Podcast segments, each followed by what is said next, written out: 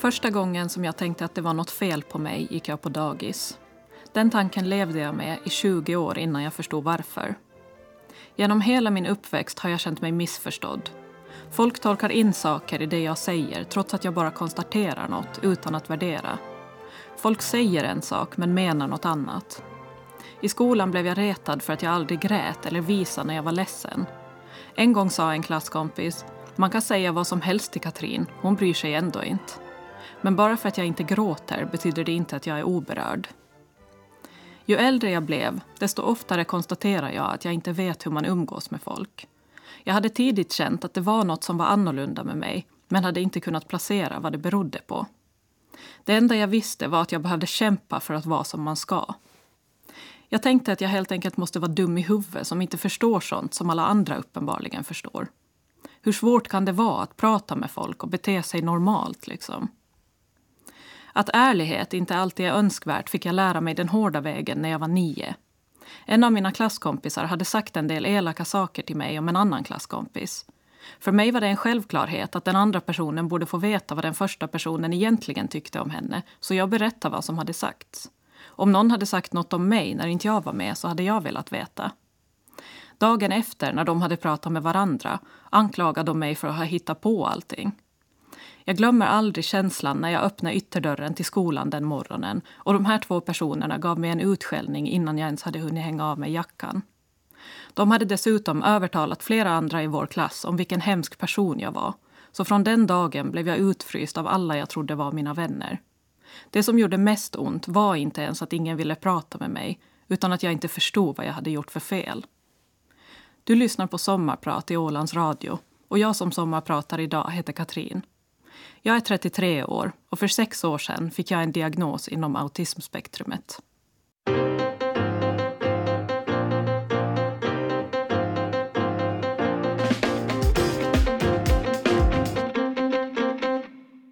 A moment in time med Avishai Cohen. Autism är en neuropsykiatrisk funktionsnedsättning som innebär att hjärnan fungerar på ett annat sätt än hos neurotypiska människor som alltså har normfungerande hjärnor. Autism innebär att man processar information och upplever världen på ett annorlunda sätt. Många av oss känner oss trygga av rutiner och kan vara över eller underkänsliga för sinnesintryck som höga ljud och särskilda texturer. Det autistiska tankesättet är ofta logiskt och konkret vilket kan göra det svårt att navigera bland oskrivna regler och outtalade förväntningar. Autism är ingen sjukdom utan en naturlig del av den mänskliga mångfalden. Neurotyper är inte på något sätt den optimala människan. Det är bara så att omgivningen är anpassad efter deras behov för att de är en majoritet. Jag noterar redan under min utredning att det finns väldigt mycket fördomar och okunskap kring autism. Och framför allt saknas kunskap om autism hos flickor och kvinnor. Majoriteten av all forskning och litteratur som finns om autism utgår från pojkar. Det finns fortfarande en föreställning om att flickor inte kan vara autistiska och med den inställningen växer autistiska flickor upp och utvecklar ätstörningar, ångest och depressioner utan att man gör kopplingen till autism. Förutom att det vi känner till om autism idag baseras på pojkar så kommer informationen ofta från personer som har studerat autister utifrån och som försöker hitta neurotypiska förklaringar till varför vi beter oss som vi gör. Jag vill istället försöka förklara autism inifrån. Vi måste komma bort från skadliga fördomar som att autister saknar känslor och är empatilösa. Att vi antingen är vandrande tragedier eller har superkrafter och att allt som är autistiskt måste döljas eller jobbas bort för att vi ska kunna godkännas som människor. Autism är inte psykisk ohälsa men tyvärr innebär ofta att vara autistisk att man förr eller senare upplever någon form av psykisk ohälsa. Genom att berätta min historia hoppas jag kunna öka kunskaperna och minska fördomarna. När jag var ungefär 11 år började det bli påtagligt hur annorlunda jag faktiskt var. Det var tydligt att jag inte passade in bland mina jämnåriga. En gång sa jag till min klassföreståndare, jag är nog lite udda jag. Medan mina klasskompisar intresserade sig för kändisar och diskuterade vem som skulle bli ihop med vem gick jag runt med ett anteckningsblock i fickan och skrev upp registernummer på bilar. Efter skolan cyklade jag hem och satte mig framför tvn för att tillbringa timmar med att titta på musikvideor. När jag sen ville diskutera musikvideorna med folk kände de inte ens till låtarna jag pratade om. I diagnoskriterierna för autism står det att autister endast i begränsad utsträckning delar intressen med andra. Det tycker jag är en märklig formulering, för är det inte väldigt typiskt autistiskt att vilja prata om sina intressen? Problemet är att omgivningen sällan är intresserad av att lyssna. Om man aldrig får någon positiv respons är det kanske inte så konstigt att man slutar dela med sig. Jag märkte alltså att mina intressen inte värdesattes lika mycket som andras, så jag anpassade mig. Jag studerade hur människor i min omgivning betedde sig och försökte göra som dem. Jag läste böcker och tittade på filmer i syfte att analysera karaktärernas beteenden.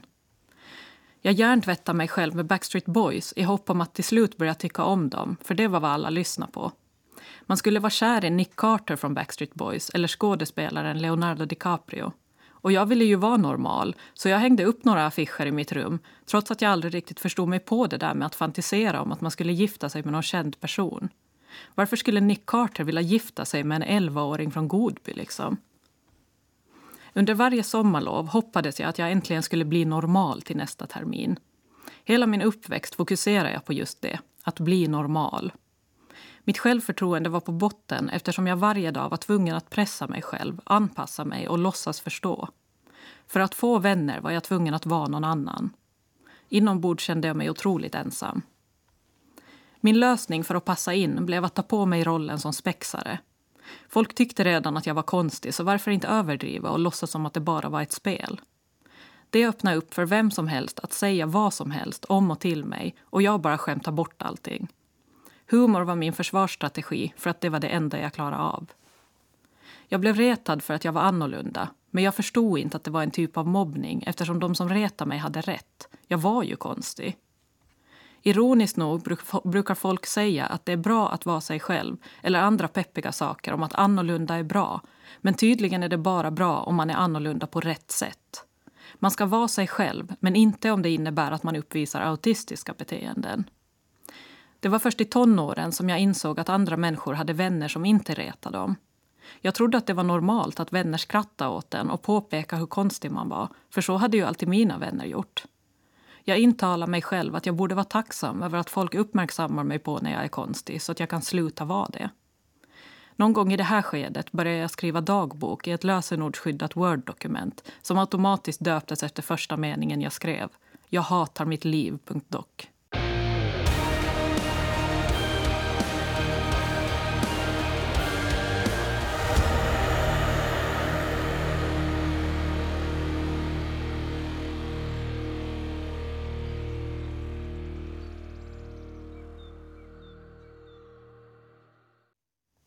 Spirits will collide med Devin Townsend.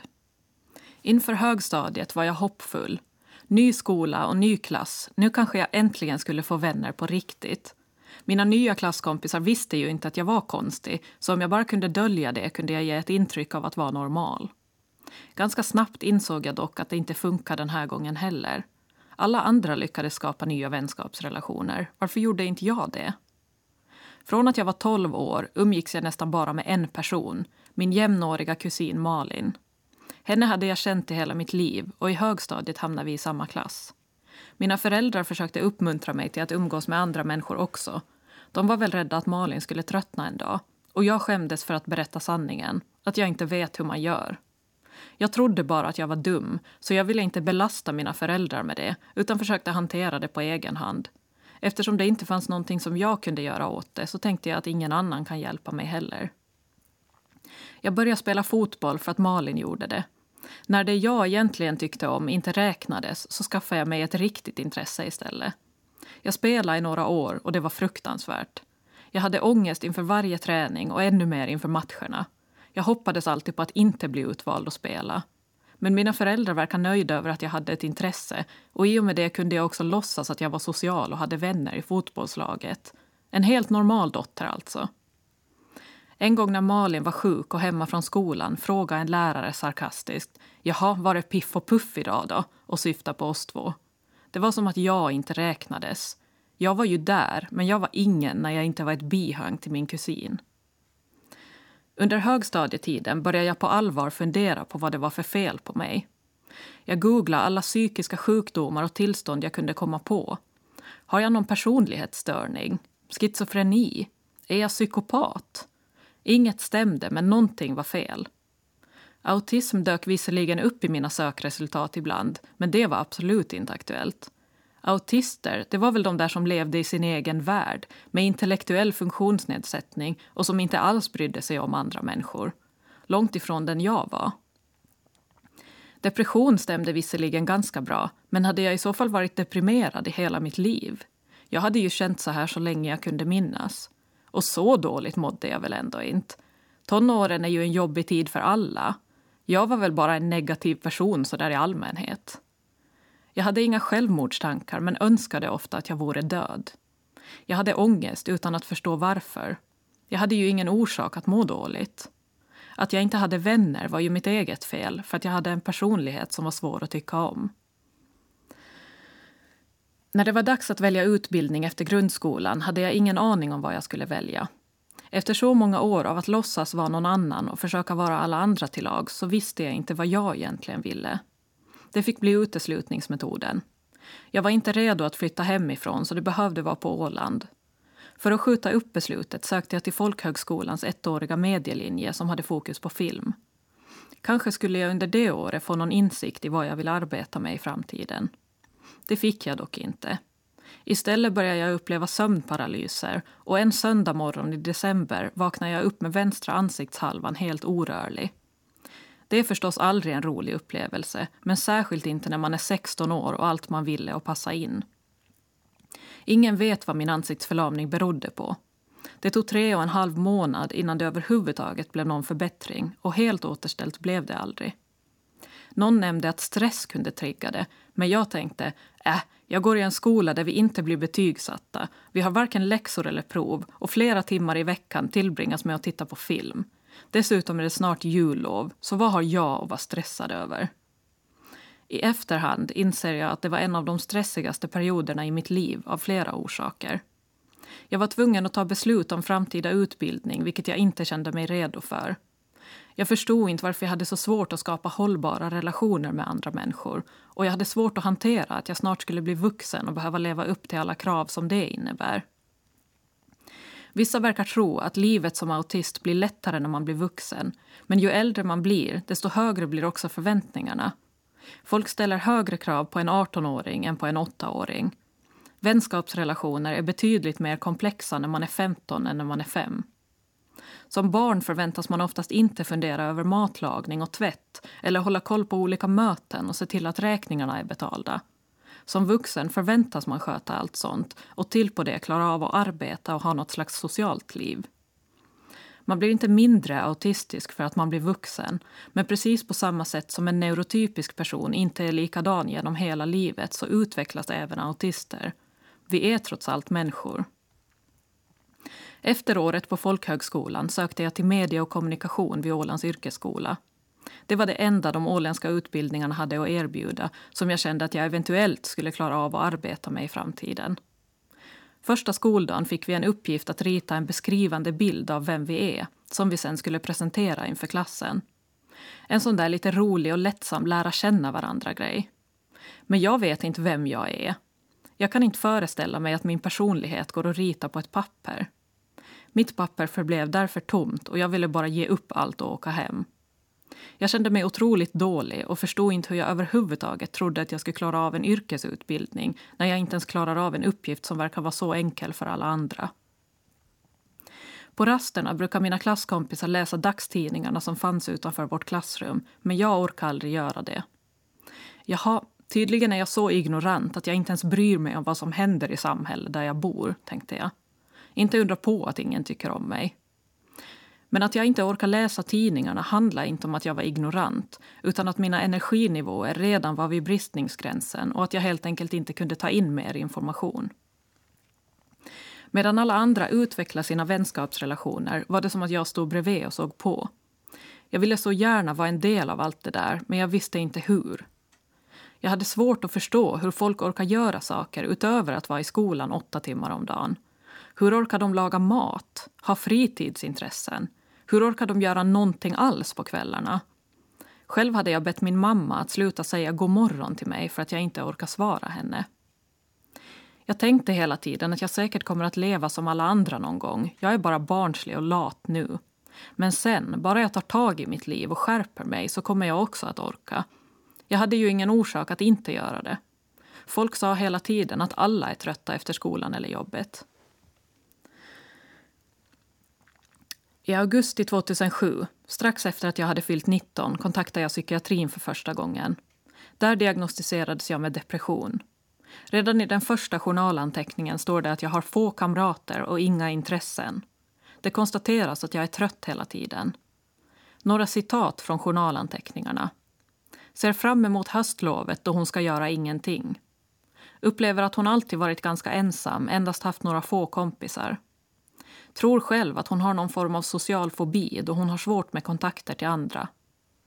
Fortsatt samtal om hennes sociala situation där Katrin skulle vilja ha mer kontakter med andra men inte vet hur hon ska göra.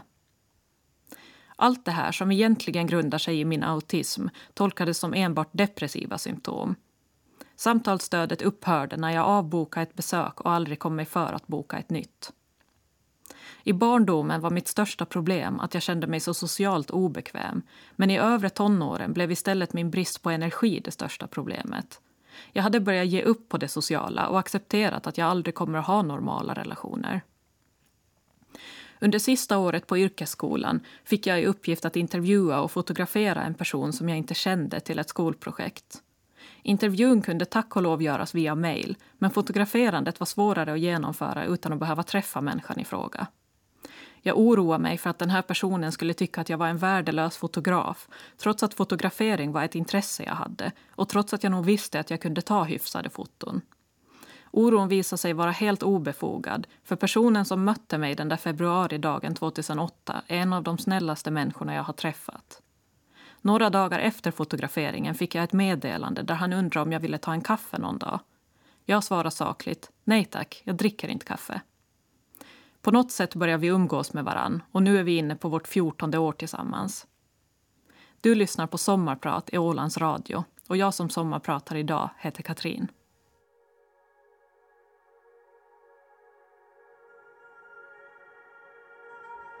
Every corner that you can The light keeps you going It'll rain today med Michelle Willis. Under tiden i yrkesskolan var jag tvungen att sjukanmäla mig flera gånger i månaden på grund av att jag helt enkelt inte klarade av att stiga upp och ta mig till skolan. Jag kunde ju inte säga till mina föräldrar att jag stannade hemma för att jag inte orkade gå till skolan. Och eftersom jag inte hade någon orsak att ha ångest så var det nog inte så allvarligt. Istället hittade jag på att jag hade huvudvärk eller ont i magen. Självklart märkte mina föräldrar att något inte stod rätt till men jag var fast besluten om att hålla allting för mig själv och blev bara irriterad när de försökte prata med mig. Jag hade ju inget svar på varför jag tyckte att allt var så jobbigt. Det var pinsamt att vara så dum att man inte fattar någonting, att inte ha en enda vän och att nu dessutom vara så lat att man inte ens orkar gå till skolan. Till slut fick jag min examen och var otroligt lättad över det. Men lättnaden bytte snabbt ut mot oro över att nu var tvungen att skaffa ett arbete. Att fortsätta studera var uteslutet eftersom jag knappt hade klarat yrkesutbildningen. Sommarjobbat hade jag gjort tidigare, men det var jobb som jag hade fått tack vare mina föräldrars kontakter. Nu skulle jag plötsligt behöva sälja in mig själv. Jag som inte ens vet vem jag är.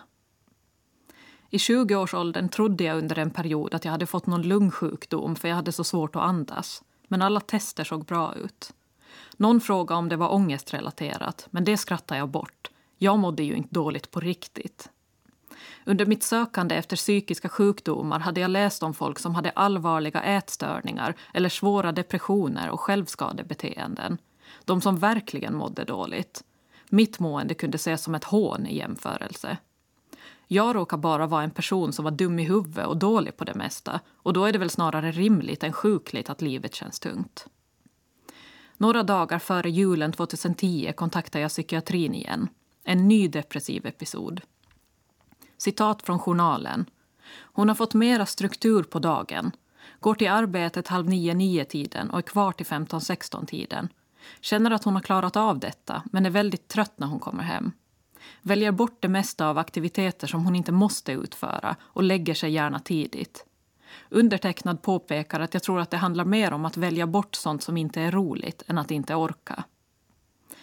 Inte ens vid psykiatrin vågar jag vara ärlig med hur jag kände.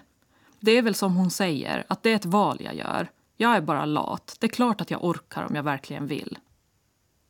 Sommaren 2012 var det dags igen. Patienten beskriver vidare problem i sociala situationer, säger att det känns som att hon inte vet hur man gör då man umgås. Patienten har en önskan att kunna träffa folk utan problem. Patienten säger att hon ofta i sociala sammanhang upplever sig mest sitta bredvid. Patienten tycker själv att livet skulle vara enklare om hon inte funderar så mycket.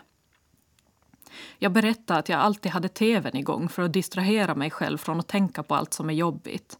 Att jag konstant behövde ha någon lättsam sitcom med burkskratt i bakgrunden för att överrösta mina egna tankar. Som någon slags anti-mindfulness. Jag ville allt annat än vara medveten om nuet eftersom nuet bara gav mig ångest.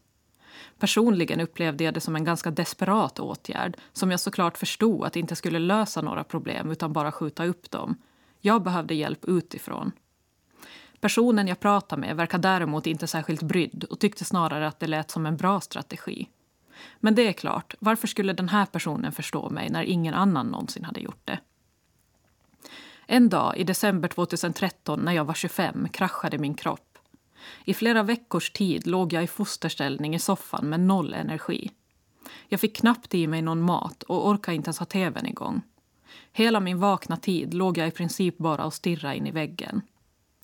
Vården hittade ingen fysisk orsak till mitt mående så jag konstaterar själv att det måste vara något psykiskt som triggar det här.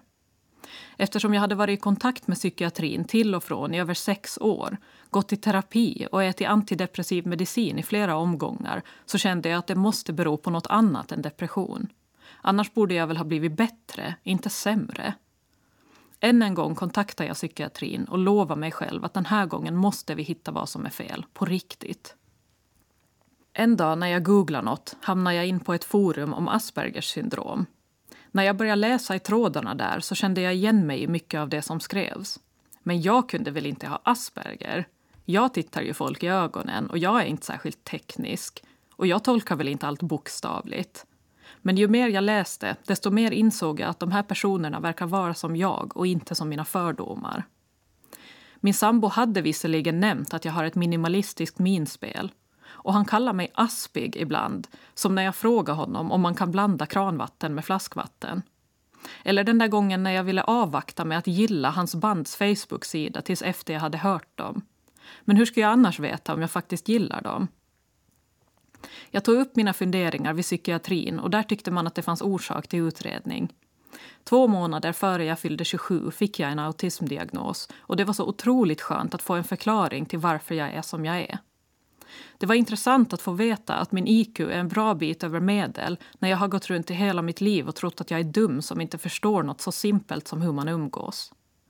Nu insåg jag att jag inte är dum, men att social kompetens ofta värderas högre än många andra egenskaper. Att få en autismdiagnos i vuxen ålder känns lite som när man har läst en bok eller tittat på en film med en stor plot twist i slutet och att man med den nya vetskapen börjar tänka tillbaka på alla tecken och undra hur man inte kunde förutspå det tidigare. Min krasch var en utmattningsreaktion efter så många år av stress, självhat och att försöka klara av ett liv som inte är anpassat för mig. Varför lyssnar jag inte på min kropp som i omgångar har försökt varna mig om att något är fel? Helt enkelt för att jag har fått lära mig att mina känslor och mitt behov av vila är inbildning och fel. Jag vet ju att det ska räcka med 7-8 timmars sömn så jag kan ju rimligtvis inte vara trött efter att ha sovit 10 timmar. Och jag är ju ung och frisk, klart att jag orkar. Överallt hörs peppiga budskap i stil med om jag kan så kan du, som om alla människor har samma förutsättningar. Trots att jag har jobbat deltid på en arbetsplats där jag trivs så har jag inte orkat med någonting annat än jobbet. Efter arbetsdagens slut har jag varit tvungen att säga till min sambo att han får prata med mig men att jag inte kommer att orka svara honom. I princip all min lediga tid har gått åt till att vila. Det är ingen livskvalitet. För mig har inte skol eller arbetsmiljön varit det största problemet utan all energi som går åt till att överleva. Jag är kompetent och jag kan göra mycket men det tar så otroligt mycket energi och jag hinner aldrig återhämta mig tillräckligt. Jag har nu varit sjukskriven i flera år och upplever ändå att jag många gånger lever på lånad energi från morgondagen. Det är stor skillnad på vanlig trötthet, att tycka att saker är lite jobbigt eller att man inte har lust, och autistisk trötthet som faktiskt innebär utmattning. De flesta neurotypiska människor som har ett jobb orkar också ta hand om eventuella barn, laga mat, sköta sitt hem och utöver det kanske gå en kvällskurs eller umgås med vänner ibland. Medan jag i mina värsta perioder behöver planera när jag ska ta ut soporna så att det inte blir på samma dag som jag ska klippa katternas klor. Det pratas om att hushålla med sin energi, men vad ska man göra när det inte längre finns något man kan bortprioritera? Den autistiska tröttheten är inget man kan sova bort. Jag vill arbeta. Jag saknar mitt jobb varje dag. Men om ett arbete innebär att jag inte ens orkar prata efteråt så går det inte. Jag kan inte leva så. Efter att ha fått autismdiagnosen har jag verkligen fått jobba med att tillåta mig själv att vara som jag är och göra det som får mig att må bra. Under min uppväxt hade jag ofta en önskan om att bli normal. Men nu när jag är äldre och förstår bättre så inser jag att det egentligen handlar om en önskan om att bli accepterad. För ju mer jag kämpar för att vara normal, desto sämre mår jag. Det har varit så inpräntat hos mig att allt som är jag är dåligt. Men jag är inte en misslyckad neurotyp, jag är en alldeles tillräcklig autist. Jag måste inte vara social eller prova på nya saker. Jag får tycka om att sortera saker och skriva förteckningar. Det är meningsfullt för mig. För dig är det kanske viktigt med sociala tillställningar och du kanske gillar variation i ditt liv. Jag har inget behov av det. Att jag sitter ensam hemma på midsommarafton betyder inte att det nödvändigtvis är synd om mig eller att jag mår dåligt över det. Att må bra behöver inte innebära att vara neurotypisk.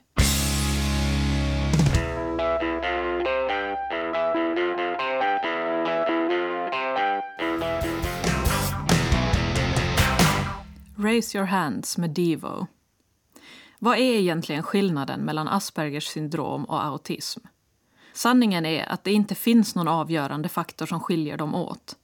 Enligt diagnosmanualen är enda skillnaden att man vid Aspergers syndrom inte får ha haft någon språklig försening och att man måste ha haft en normal intellektuell utveckling.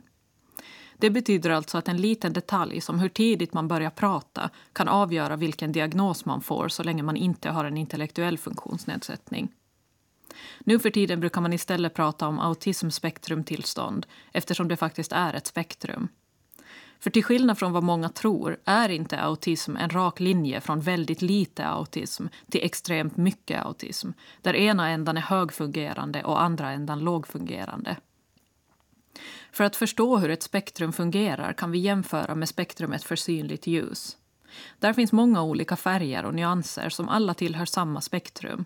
Ingen färg är mer på spektrumet än någon annan. Om vi tänker oss att färgspektrumet motsvarar autismspektrumet så kan vi se det som att varje färg står för olika autistiska egenskaper till exempel intryckskänslighet, repetitiva beteenden eller svårigheter att tolka neurotypisk kommunikation. Alla autister har olika svårigheter och påverkas olika mycket av alla områden. Autistiska drag är något som de flesta kan känna igen sig i. Det är nämligen mänskliga drag. Men det betyder inte att alla människor har en släng av autism. Alla har bättre och sämre perioder i livet, men alla har inte bipolär sjukdom. Du har inte en släng av narkolepsi för att du sover emellanåt, en släng av alkoholism om du dricker ett glas vin till middagen eller en släng av depression för att du är ledsen ibland. För att få en autismdiagnos måste man uppfylla flera specifika kriterier bland annat att svårigheterna ska vara funktionsnedsättande. Man behöver uppvisa tillräckliga svårigheter inom flera områden. Och för att fortsätta på jämförelsen med färgspektrumet kan man säga att resultatet behöver sträcka sig över flera färger så att det blir som en regnbåge. Om du enbart är introvert eller ljudkänslig är du inte lite autistisk på samma sätt som enbart färgen grön inte är lite regnbågsfärgad. Jag fick diagnosen Aspergers syndrom men jag har inget behov av att kalla mig aspergare eller på annat sätt distansera mig från ordet autism. Jag är autistisk och Aspergers syndrom är inte en mildare eller finare form av autism. Därför ogillar jag också benämningen högfungerande autism. Högmaskerande eller högpresterande skulle vara bättre ordval. Funktion och prestation är nämligen två olika saker som inte nödvändigtvis är relaterade till varandra. Jag är en av dem som anses vara högfungerande. Jag har en yrkesutbildning, jag hade bra betyg under hela grundskolan, har haft heltidsarbeten och varit hyfsat omtyckt bland kollegor. Men samtidigt har jag kämpat med grundläggande saker som att ta hand om mig själv och mitt hem, vilket i slutändan har lett till utmattning. Jag har presterat, men jag har inte fungerat. När man benämner någon som hög eller lågfungerande låter det som att man beskriver hur autistisk någon är. Men egentligen handlar funktionsetiketter enbart om hur neurotyper uppfattar autister. Hur bra vi passerar som neurotypiska. Hur enkelt eller svårt vi gör livet för dem. Att säga att jag är högfungerande betyder bara att du inte märker av min autism så mycket. Det säger ingenting om hur jag upplever det. Självklart har alla autister individuella svårigheter och stödbehov men vi kan väl prata om det i de situationer där det är relevant istället. Precis som att vi pratar om styrkan på glasögonen när vi är hos optikern och inte i vardagliga konversationer. Vissa vill kanske kalla sig själva eller sina barn högfungerande för att minska stigmat med att ha en autismdiagnos. Att liksom försäkra sig om att personen inte är så defekt. Men problemet är att det spär på tanken att högfungerande är synonymt med inte så autistisk och att personen därmed inte har behov av något särskilt stöd eller förståelse. Svårigheterna ignoreras eller bortförklaras som lathet. Om du är högfungerande så är du ju i princip normal, eller hur? Att å andra sidan beskriva någon som lågfungerande kan innebära att personen blir fråntagen sin självständighet. Det finns liksom inget mellanting. Vad innebär ens högfungerande autism? Vad är det som ska fungera för att man ska räknas dit? Vissa menar att lågfungerande autism innefattar intellektuell funktionsnedsättning. Men hur kan en eventuell annan funktionsnedsättning avgöra vilken typ av autism du har? Vad händer ifall min funktionsförmåga är olika från dag till dag beroende på var jag är, vad jag gör eller vilka krav som ställs på mig? Hur avgörs det vem som har det svårare än någon annan? Vem har rätt att bestämma att det är värre att ha en intellektuell funktionsnedsättning med tydliga hjälpbehov och att samhället gör bedömningen att man är väldigt annorlunda än att betraktas som normal men behöva kämpa tills man figurativt går sönder att inte bli tagen på allvar och därför sällan få det stöd man behöver och där ångest och depression är mer regel än undantag.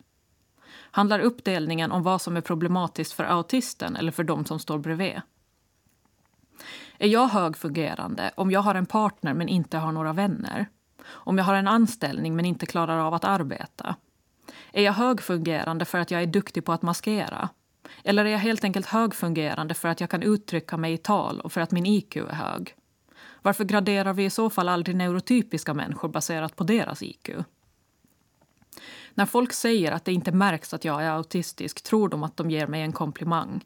Men det är ingen tröst för mig att det inte märks, för det är inget fult med att vara autistisk.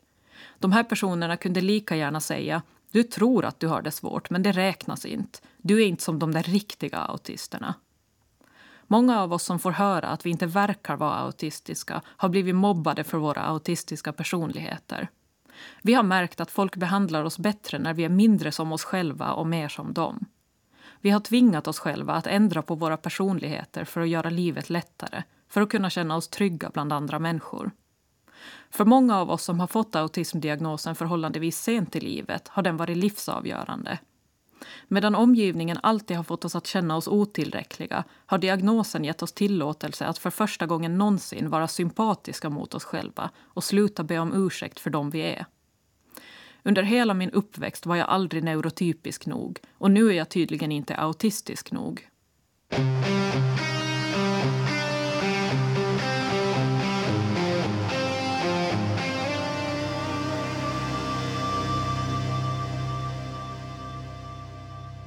Deadhead med Devin Townsend Band. Du lyssnar på Sommarprat i Ålands Radio och jag som sommarpratar idag heter Katrin. Något som kan vara svårt för neurotypiska människor att förstå är den ojämna begåvningen som kan höra ihop med autism. Neurotypers förmågor är mer jämnt fördelade. De är liksom lagom bra eller dåliga på det mesta. Hos autister är det ofta större skillnader mellan vad vi är bra och dåliga på och därför är det vanligt att folk över eller underskattar våra förmågor. En förklaring till varför autister kan ha så svårt för saker som majoriteten tycker är enkla är svårigheter att automatisera att göra saker utan att tänka på det. Autisthjärnan använder det medvetna minnet som används för att lagra exempelvis språk och fakta även för sånt som andra människor sparar i det automatiserade minnet. Neurotypiska människor behöver inte tänka på hur man diskar eller duschar varje gång de gör det. När de en gång har lärt sig en vardagssyssla blir det en automatiserad rörelse. Men så funkar inte autisthjärnan. För oss krävs en medvetenhet som tar energi för att göra saker som andra gör på rutin. Varje gång jag pratar med en annan människa måste jag aktivt fokusera på en massa saker samtidigt. Förutom att koncentrera mig på vad personen säger måste jag också analysera vad personen menar. Samtidigt ska jag försöka sålla bort allt som händer runt omkring. Jag måste avgöra när det är passande för mig att prata och när jag väl har något att säga måste jag göra en bedömning av vad som är nödvändig information och vad som kan ses som överflödiga detaljer. Dessutom måste jag tänka på hur jag ser ut, se till att jag använder ett korrekt kroppsspråk och tonfall så att jag inte misstolkas. Efteråt analyserar jag konversationen och gör en mental notering över vad jag ska göra annorlunda nästa gång. Jag kan aldrig slappna av i sociala sammanhang för i så fall är jag inte närvarande. I diagnoskriterierna för autism står det att autister har till synes tvångsmässig fixering vid specifika oändamålsenliga rutiner eller ritualer. Det tycker jag har en ganska negativ klang. Oändamålsenliga, enligt vem? Det är viktigt att se skillnad på tvångstankar och autistiska rutiner. För en autist är verkligheten en förvirrande massa av händelser, människor och intryck. Mina rutiner är en trygg struktur i en kaotisk och oförutsägbar värld. Jag vill göra samma saker i samma ordning varje gång. Inte för att jag tror att det kommer att hända något om jag inte gör det utan för att jag helt enkelt känner mig trygg av det och slipper tänka så mycket. Jag vet vad som kommer att hända och jag mår bra av det till skillnad från vid tvångssyndrom då rutinerna ofta är kopplade till ångest. Eftersom autisthjärnan inte är så bra på att automatisera kan vardagen bli väldigt energikrävande. Därför är det enklast för mig att alltid diska prylar i en särskild ordning och att alltid hänga kläderna på tork enligt ett särskilt system efter tvätten. Om jag inte gör saker i samma ordning varje gång kan det också hända att jag glömmer något viktigt, som att borsta tänderna eller ta min medicin. Så för mig är mina rutiner väldigt ändamålsenliga. En bidragande orsak till autistisk utmattning är intryckskänsligheten som många av oss upplever. Autister bearbetar och filtrerar sinnesintryck annorlunda än neurotyper vilket kan innebära sensorisk över eller underkänslighet. Sensorisk överkänslighet leder till att man vill undvika intryck. Det kan visa sig genom att man äter väldigt begränsat, inte gillar beröring eller att man hör ljud som de flesta andra inte ens märker. Sensorisk underkänslighet leder till att man söker intryck. Det kan visa sig genom att man gillar att röra vid olika texturer eller tugga på saker som inte är gjorda att tuggas på. Man kan också ha en kombination av över och underkänslighet där man är känslig för en typ av sensorisk stimulans men söker en annan. För någon som inte är intryckskänslig är det kanske svårt att förstå hur fågelkvittret utanför fönstret kan upplevas som ett larm på morgonen. Eller hur svårt det kan vara att koncentrera sig på något annat än den där sömmen som trycker mot huden. Men är man sensoriskt överkänslig så krävs det inte så mycket för att bli överbelastad. En vanlig skol eller arbetsdag kan snabbt bli dränerande. Personer med sensorisk känslighet vänjer sig inte vid intrycken så det hjälper inte att utsättas för stökiga miljöer. Det är inte en rädsla som kan arbetas bort med KBT. När autister blir överbelastade, stressade eller på annat sätt har svårt att hantera vad som händer kan det leda till en reaktion där hjärnan helt enkelt inte klarar av fler intryck. Dessa reaktioner brukar kallas meltdown eller shutdown och är resultatet av sensorisk och emotionell överbelastning som har byggts upp över tid. Det är en total kollaps och inget som går att kontrollera eller förhindra genom att behandla det som ett beteendeproblem. Många autister kämpar för att hålla ihop hela dagen och bryter ihop när de kommer hem från skolan eller arbete. Därför är det otroligt viktigt att lyssna på autisten och erbjuda anpassningar även om det utåt sett ser ut att fungera bra utan dem. Kom ihåg att autister kan vara duktiga på att maskera. Att maskera är att kamouflera det autistiska jaget med en socialt accepterad version av en själv. Det är att härma folk runt omkring i ett desperat försök att bli accepterad. Som att hela ens liv är en arbetsintervju där man försöker övertyga omgivningen om att man passar in och förtjänar en plats i deras värld. Jag tror att det ofta är det man menar när man pratar om högfungerande autism. En person som maskerar så bra att autismen inte märks särskilt mycket för utomstående. Men det säger faktiskt ingenting om personens egentliga funktionsförmåga. Maskering är en försvarsmekanism och en överlevnadsstrategi som används när man har fått lära sig att ens naturliga beteende är fel. Det är extremt energikrävande, så varför gör vi det? Alla människor kan säkert relatera till att man anstränger sig lite extra för att visa upp sina bästa sidor på en arbetsintervju eller för att göra ett bra första intryck på svärmor. För autister är det dock på en helt annan nivå. Många av oss upplever att vi dagligen måste maskera för att behålla våra jobb, slippa mobbning och för att lyckas med relationer. I diagnoskriterierna står det att autister har en bristande förmåga att utveckla, bevara och förstå relationer vilket känns som ett hån när det finns forskning som visar på att neurotypiska människor uppfattar autister mer negativt jämfört med neurotyper. Hur ska vi kunna utveckla och bevara relationer när omgivningen inte vill ha med oss att göra?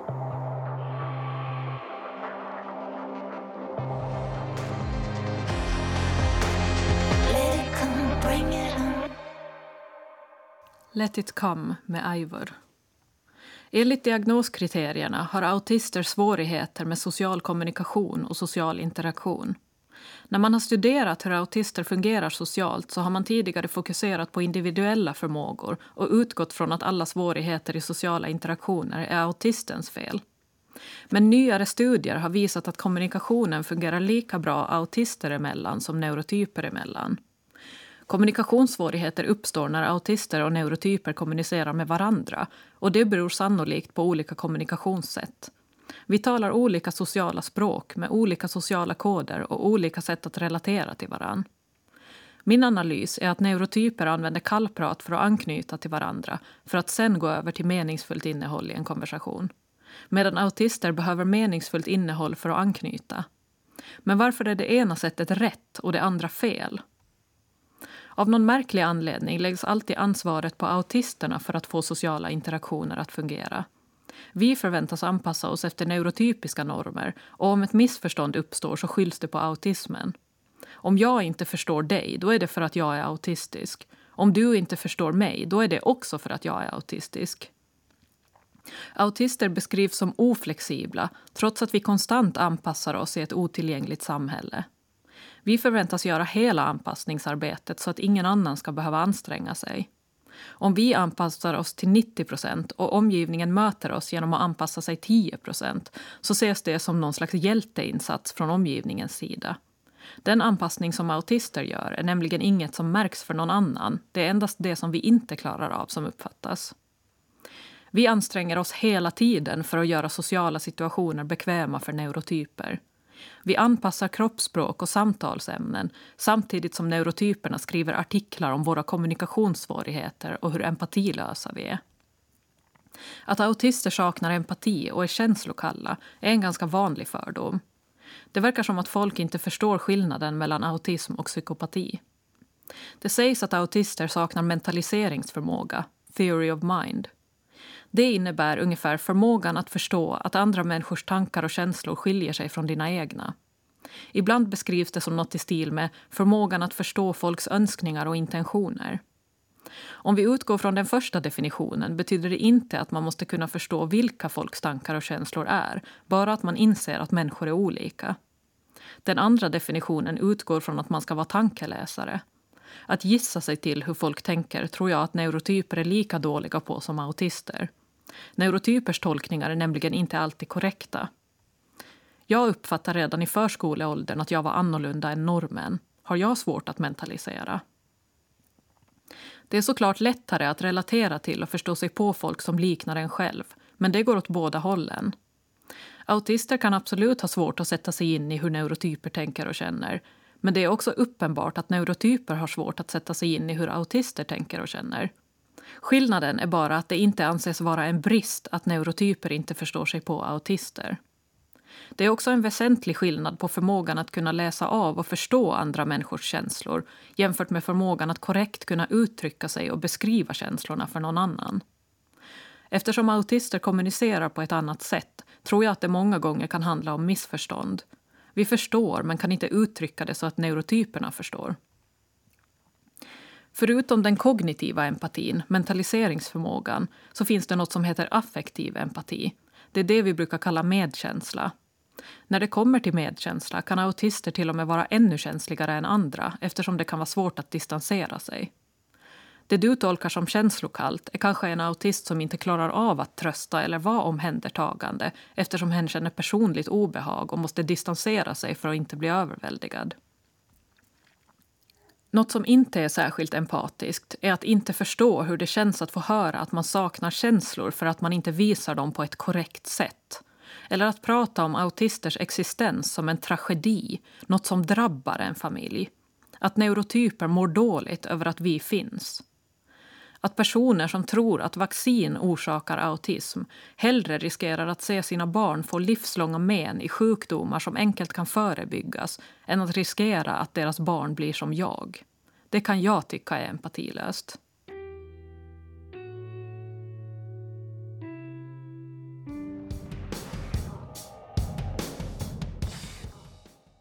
Every day is exactly the same med Nine Inch Nails. Vissa tycker att man ska tänka positivt och inte fokusera på det som är svårt. Eller att man inte ska låta diagnosen definiera en. Men eftersom autism påverkar så mycket av ens liv anser jag att det är viktigt att acceptera allt som diagnosen innebär.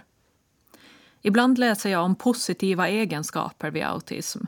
Egenskaper som att vi är lojala, fokuserade eller potentiellt duktiga på schack. Som om autisters existens måste rättfärdigas med någon slags motprestation som väger upp för allt det dåliga. Hen är visserligen autistisk men också lojal och därmed inte totalt värdelös. En del påstår att autism är en superkraft, vilket jag inte alls håller med om. Självklart har jag styrkor och flertalet säkert just tack vare autismen. Men faktum är att om jag inte hade haft svårigheter så hade jag inte fått diagnosen. Jag önskar att folk skulle respektera att autism är en funktionsnedsättning och inte något excentriskt personlighetsdrag som du kan plocka fram när det passar dig. Erkänn att det kan innebära både styrkor och svårigheter istället för att låtsas som att svårigheterna inte finns. Neurotyper säger att autister har ett svartvitt tänk. Men jag tycker ofta att det är de som antingen vill få autism att framstå som något fruktansvärt som bör gömmas undan. Ett hinder som måste övervinnas till vilket pris som helst. Eller så ska det ses som inspiration, någonting fantastiskt som ger superkrafter. Hur kan vi å ena sidan betona vikten av förståelse och stöd när vi å andra sidan förskönar och pratar om superkrafter? Vilken superkraft att det tog mig 19 år att träffa någon jag kan känna mig bekväm med. Va? Autism är inget som går att träna bort eller bota genom att utesluta gluten. Precis lika lite som att en person med synnedsättning inte plötsligt kommer att se bättre om han bara skärper sig lite. Det hjälper inte att träna på att vara social. Det har jag nämligen gjort i hela mitt liv och det enda det har lärt mig är att maskera.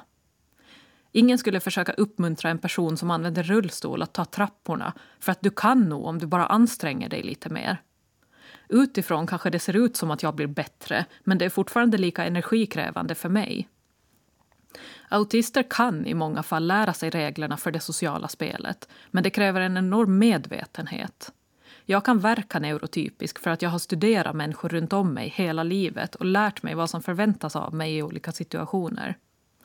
Jag kan läsa böcker om hur man konverserar men alla dessa regler man ska förhålla sig till kommer aldrig att komma naturligt för mig. Hur duktig jag än är på att småprata så kommer det aldrig hjälpa mig att skapa meningsfulla relationer så länge konversationerna hela tiden ska bestå av strategier för att verka neurotypisk. En strategi jag läste om var att man skulle titta folk i ögonen vid varje ställe där det hade funnits ett skiljetecken om deras tal hade varit en text. Det ser ju jättebra ut för omgivningen Äntligen har autisten hittat en strategi för att bete sig normalt. Jag kan förstås bara tala för mig själv men jag kan garantera att jag inte skulle kunna ta in någonting som den andra personen säger om jag hela tiden ska fokusera på var det hade satts en punkt eller ett kommatecken om det var en text. Bara för att en autist har lärt sig agera neurotypiskt betyder det inte att det är till någon hjälp för autisten.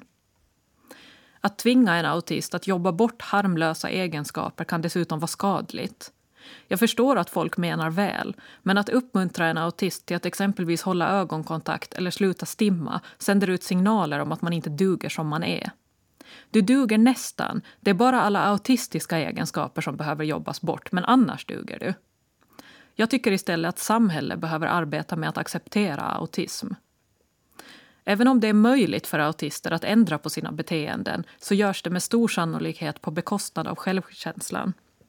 Tänk dig själv att gång på gång misslyckas bara genom att vara den du är. Och att märka att ju mer du ändrar på dig desto nöjdare blir omgivningen. Även fast jag inte kände till autismen när jag växte upp och även fast ingen uttryckligen försökte förändra mig så trodde jag att jag var mindre värd än alla andra eftersom jag inte kunde leva upp till omgivningens förväntningar. Jag kämpade med att ändra allt med mig själv och det enda det bidrog till var att göra mig osäker, olycklig och ångestfylld.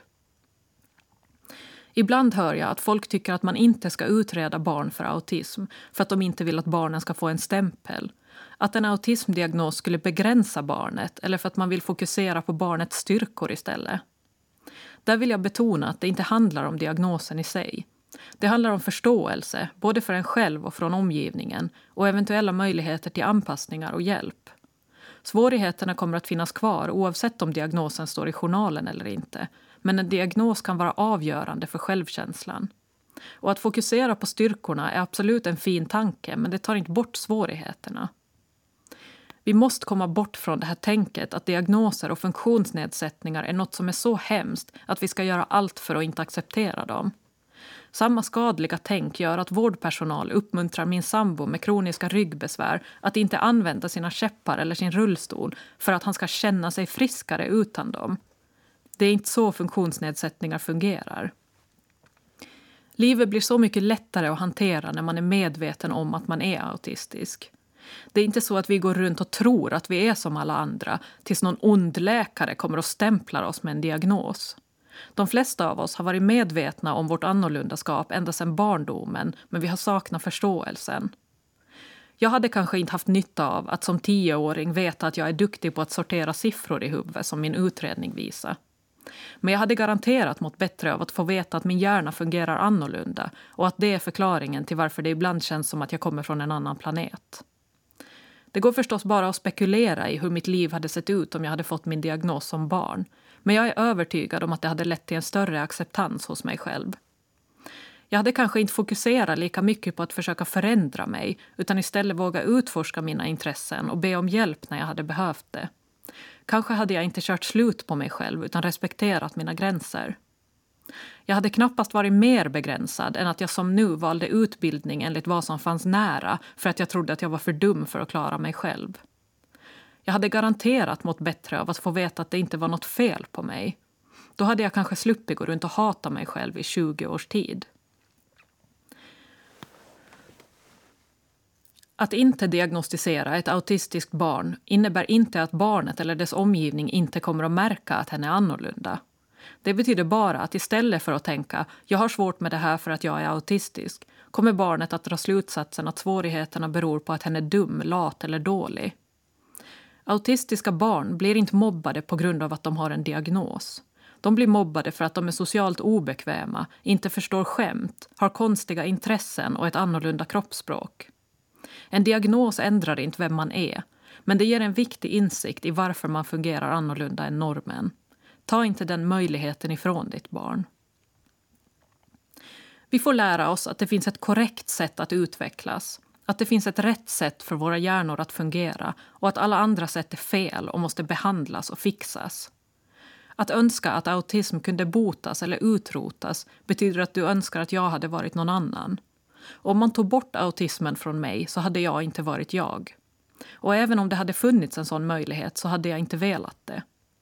Visst har jag önskat att livet hade varit lättare ibland men samtidigt hade jag inte velat byta bort mitt detaljtänk, mitt tålamod vid enformiga uppgifter, min förmåga att se saker ur en annan synvinkel eller mitt sinne för ordning mot att vara bra på att mingla, ha varierade intressen eller vara mer spontan. Det finns dessutom inget som garanterar att mitt liv hade varit lättare om jag var neurotypisk. Jag vill alltså inte bli botad. Jag vill bli accepterad och respekterad. Det finns så mycket mer jag skulle vilja säga om hur autistiska hjärnor fungerar, om hur kunskapen om autism är under all kritik, om hur diagnoskriterierna misslyckas med att fånga upp det som är utmanande för autisten samtidigt som det patologiserar oproblematiska beteenden. Men tiden för mitt sommarprat är begränsad. Att öka förståelsen för autism är dock någonting som jag fortsatt vill vara med och bidra till och därför skriver jag. Jag skriver om mina tankar och erfarenheter kring autism och har en dröm om att en dag få det publicerat som en bok. Du har lyssnat på Sommarprat i Ålands Radio och jag som har sommarpratat idag heter Katrin. Tack för att du har lyssnat.